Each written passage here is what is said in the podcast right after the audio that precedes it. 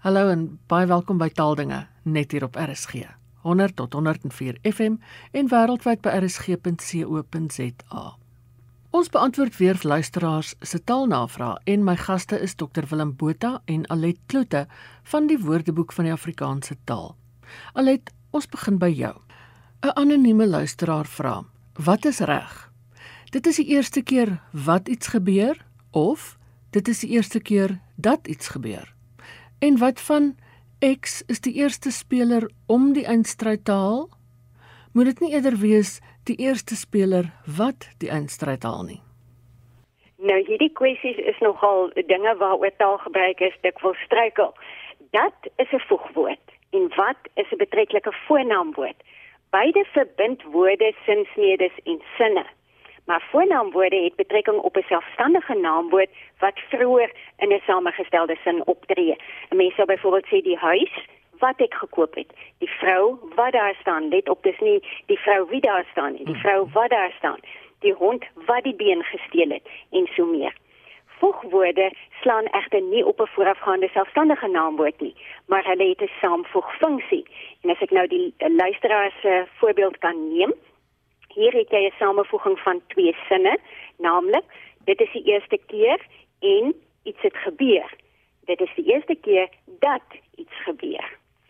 Om die tweede vraag te beantwoord, uh dit gaan hier om die infinitiefkonstruksie om die eindstryd te haal en wat my betref is dit nou 'n navolging van die Engels the first player to reach the final en ek sou dit liefs vir my dit is dis beter om te sê die uh, eerste speler wat die eindstryd haal Willem Jaco van Johannesburg wonder of dit korrek is om te sê verskeie boorgate is gesink om water aan die dorp te verskaf. Hy wil weet of dit nie direk uit die Engels vertaal is nie en of mens nie eerder moet sê 'n boorgat word geboor nie. Ja, dis interessant eh uh, Jaco. Ons kry die sink eh uh, in die betekenis van 'n diep gat grawe eintlik van Nederlands en nie van Engels nie. Eh uh, in Nederlands zink jy een skagt en hulle praat ook van die zink van putten. So om te sink beteken om diep te grawe of te boor in die grond om iets soos gewoonlik 'n skag tot stand te bring. Of jy jy boor vir water of olie of by 'n uh, ander uh, iets onder die aarde uit te kom dan sink jy 'n boorgat of jy sink 'n put of jy sink 'n skag Hy het ook 'n sinoniem om te slaan. Jy kan ook 'n boorgat slaan of eh, 'n uh, skag slaan. Dit is baie minder gebruiklik. In die WAT is daar die volgende voorbeeldsinne om 'n olieboorgat te sink. Mynskagte van 300 voet diep is gesink. Uh die boor het gate gesink om lekker soet water te vind. En dan kan hom ook as 'n selfstandige naamwoord gebruik. Hy is verantwoordelik vir die sink van twee huiserskagte. So dit is eintlik uit Nederlands en is heeltemal in, in orde. Dit is die derde betekenis van die werkwoord sink in die Woordeboek van die Afrikaanse taal. Alet Johan wil weet hoekom ons vleuel met 'n V maar flank met 'n F skryf. Die taalgebruikers is dikwels van mening dat dit nou 'n lukrake kwessie is, maar dit is nie die geval nie. Die V en die F variasie word histories bepaal. Die woord vleuel het ons geërf uit Nederlands vleugel en daarom word hy hy's net so oorgeneem en word met die met die v gespel. Maar die woord flank wat ook uit Nederlands kom is oorspronklik uit Frans met 'n f en ons het ook die f so in Afrikaans bou. Nou Henning Pieterse van Wonderboom is besig om 'n studiegids te skryf oor Ampie van Straaten se drama Die aand van die fynproewer waarin die twee uitdrukkings om jou wasgoed in die openbaar te was en om sout in die wonde te te vryf ter sprake kom. Hy sê hy kry die uitdrukkings egter nie in idioomwoordeboeke nie en wonder of hy die korrekte interpretasie dan daaraan heg. Willem? Ja, hier ek het ek self toe in die idioomwoordeboeke gaan kyk en dit is nie daar nie toe ek besef maar hierdie uitdrukkings is eintlik 'n direkte vertalings van die Engels. Jy verstaan hulle heeltemal reg. En ehm um, ek dink uh, omdat hulle direk uit die Engels vertaal is, neem ons idioomwoordeboeke hulle nie op nie.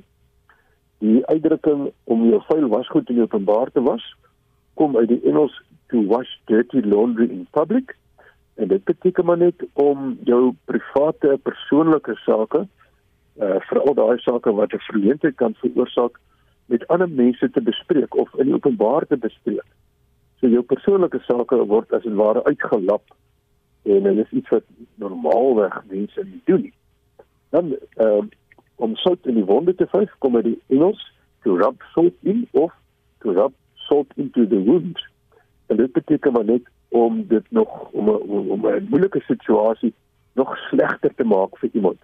Sien nou maar iemand het 'n groot verlies gelei, dan vertel jy vir hom dat sy verlies eintlik nog groter kon gewees het.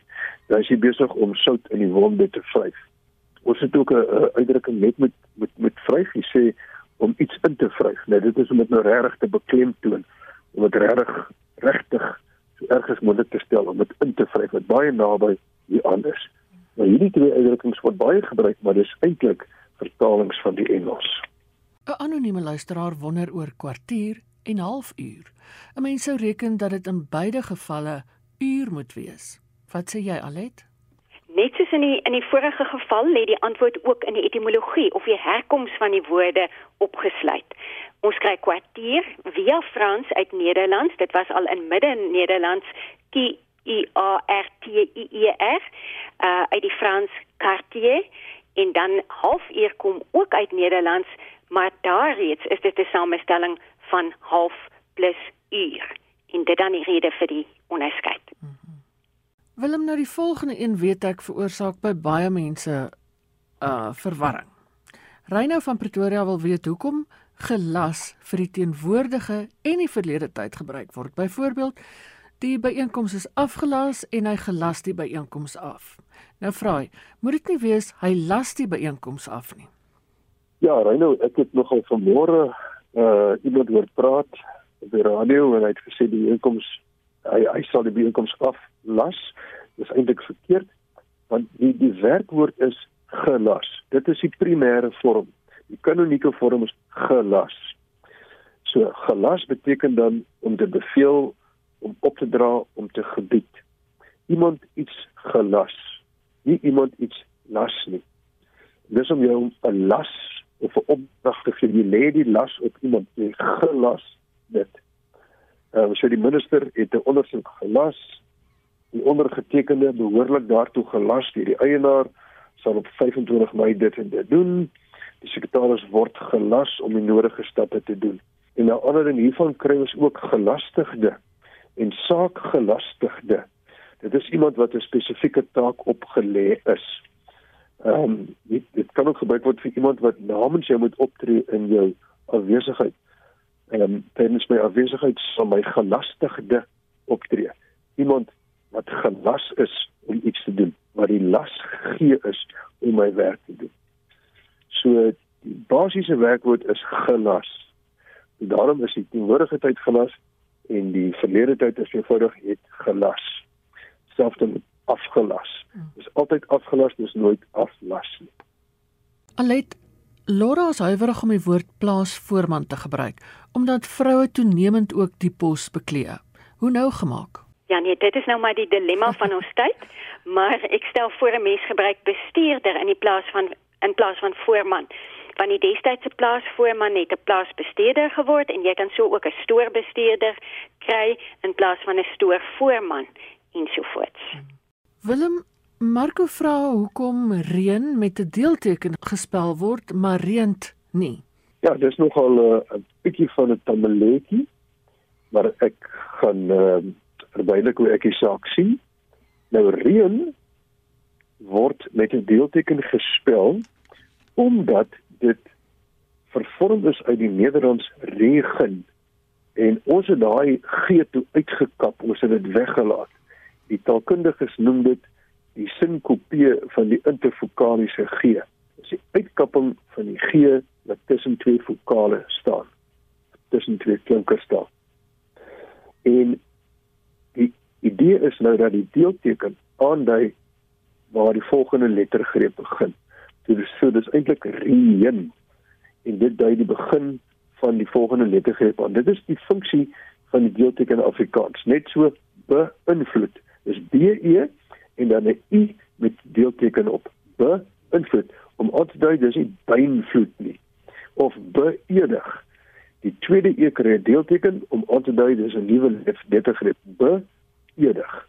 Nou, dit is nou wat by reën gebeur, alhoewel die meeste mense sê eintlik reën, maar in werklikheid is dit reën. Nou ontstaan die vraag, hoekom het reën nie deeltekens nie? En die interessante ding is dat reën is afgelei van die Nederlands regend. Wat beteken dat daai g ook weggelaat is na reën toe. Maar ek dink wat hier ter sprake kom is dat die uitspraak as een letter skreep sterker tel as die historiese motivering vir 'n deelteken. Met ander woorde, ons het geoordeel dat reën glad nie as twee lettergrepe uitgespreek word nie en daarom nie deeltekens hoef te kry nie alhoewel dit ook kom van regen waar die g uitgekap is. Daar is nog sulke voorbeelde. Ehm um, jegens het geword eens, wegens het geword weens en hulle het ook nie deeltekens nie. So ek vermoed dat die uitspraak hier sterker tel as die historiese motivering vir die gebruik uh van deeltekens. Alet 'n anonieme luisteraar wonder wat die Afrikaans is vir die Engelse uitdrukking to jump on the bandwagon. Dit is nou nog 'n interessante storie. Die woord bandwagon is in 1855 deur Phineas Barnum, 'n Amerikaanse sirkuseienaar gebruik in sy outobiografie en hy noem die outobiografie The Life of P.T. Barnum written by himself. En daar en het hy verwys na 'n wa wat 'n sirkusorkes vervoer as 'n bandwagon. Die uitdrukking het natuurlik eers heelwat later gekom, maar in suiwer Afrikaans sê ons heel beskrywend op die lawaai wa klim.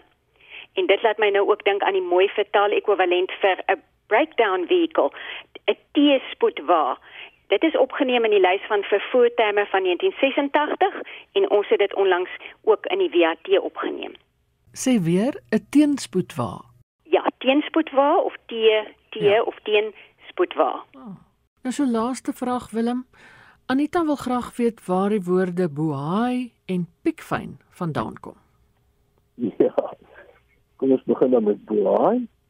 Nou bohaai is 'n samevoeging van die uitroepe bo en ha in Nederlands. En dit het toe ontwikkel tot boha wat weer op sy beurt ontwikkel het tot bohaai. En dit is hoe die Nederlanders uh, eh, 500 jaar gelede mekaar skrik gemaak het deur te sê bohaai. maar ons net sal sê hoe of ba. En ehm um, piekfyn beteken besonder goed. En dit kom uit die Nederlands piekfyn wat in 1873 vir die eerste keer opgeteken is. Maar interessant hier is dat die Nederlands piekfyn eintlik uit die Duitse streektaal piekfyn kom. En die eerste lid piek is eintlik 'n formele woord met die betekenis voortreffelik. En dit is verwant aan puik. Jy kan sien piek en puik is baie naby aan mekaar. So piekfyn is eintlik puik fyn. Anderswoorde hy versterk fyn. Daarom sê ons piekfyn beteken besonder goed. Ehm um, dis nou 'n mooi verhaaltjie van piekfyn. Allet die volgende kwessie dink ek veroorsaak vreeslik baie verwarring. Nico wil duidelikheid hê oor die verskil tussen verseker, twee woorde en verseker met 'n e. Nou moet ek ongelukkig weer die AWS die skuld gee vir hierdie verwarring, want in die 1991 uitgawe is daar aangedui dat verseker twee woorde en verseker met 'n e met die betekenis sonder twyfel of beslis wisselforme is. Maar hierdie fout is in die 2017 uitgawe reggestel. Verseker wat twee woorde is, is eintlik 'n direkte vertaling sou ek reken van die Engels for sure en beter Afrikaans sou miskien wees om te sê sonder twyfel of beslis of gewis of sekerlik. 'n Mens sou byvoorbeeld sê verseker wil ek nie saam met jou gaan nie.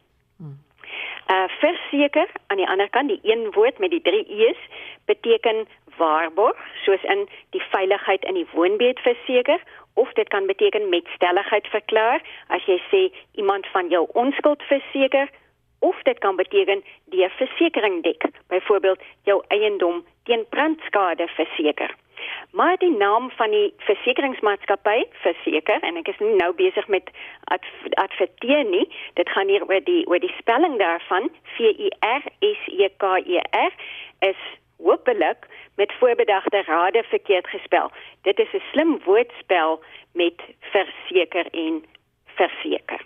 Dit was dan die senior mede-redakteur van die Woordeboek van die Afrikaanse taal, Alet Kloete, en die hoofredakteur van die WAT, Dr Willem Botha. En terwyl ons by die WAT is, maak gerus 'n draai op die webwerf wat.co.za en borg 'n woord. So help jy bou aan Afrikaans en jy dra by tot die voltooiing van hierdie omvattende woordeboek van Afrikaans. Stuur gerus jou taalnavraag vir my. My e-posadres is ina@rsg.co.za.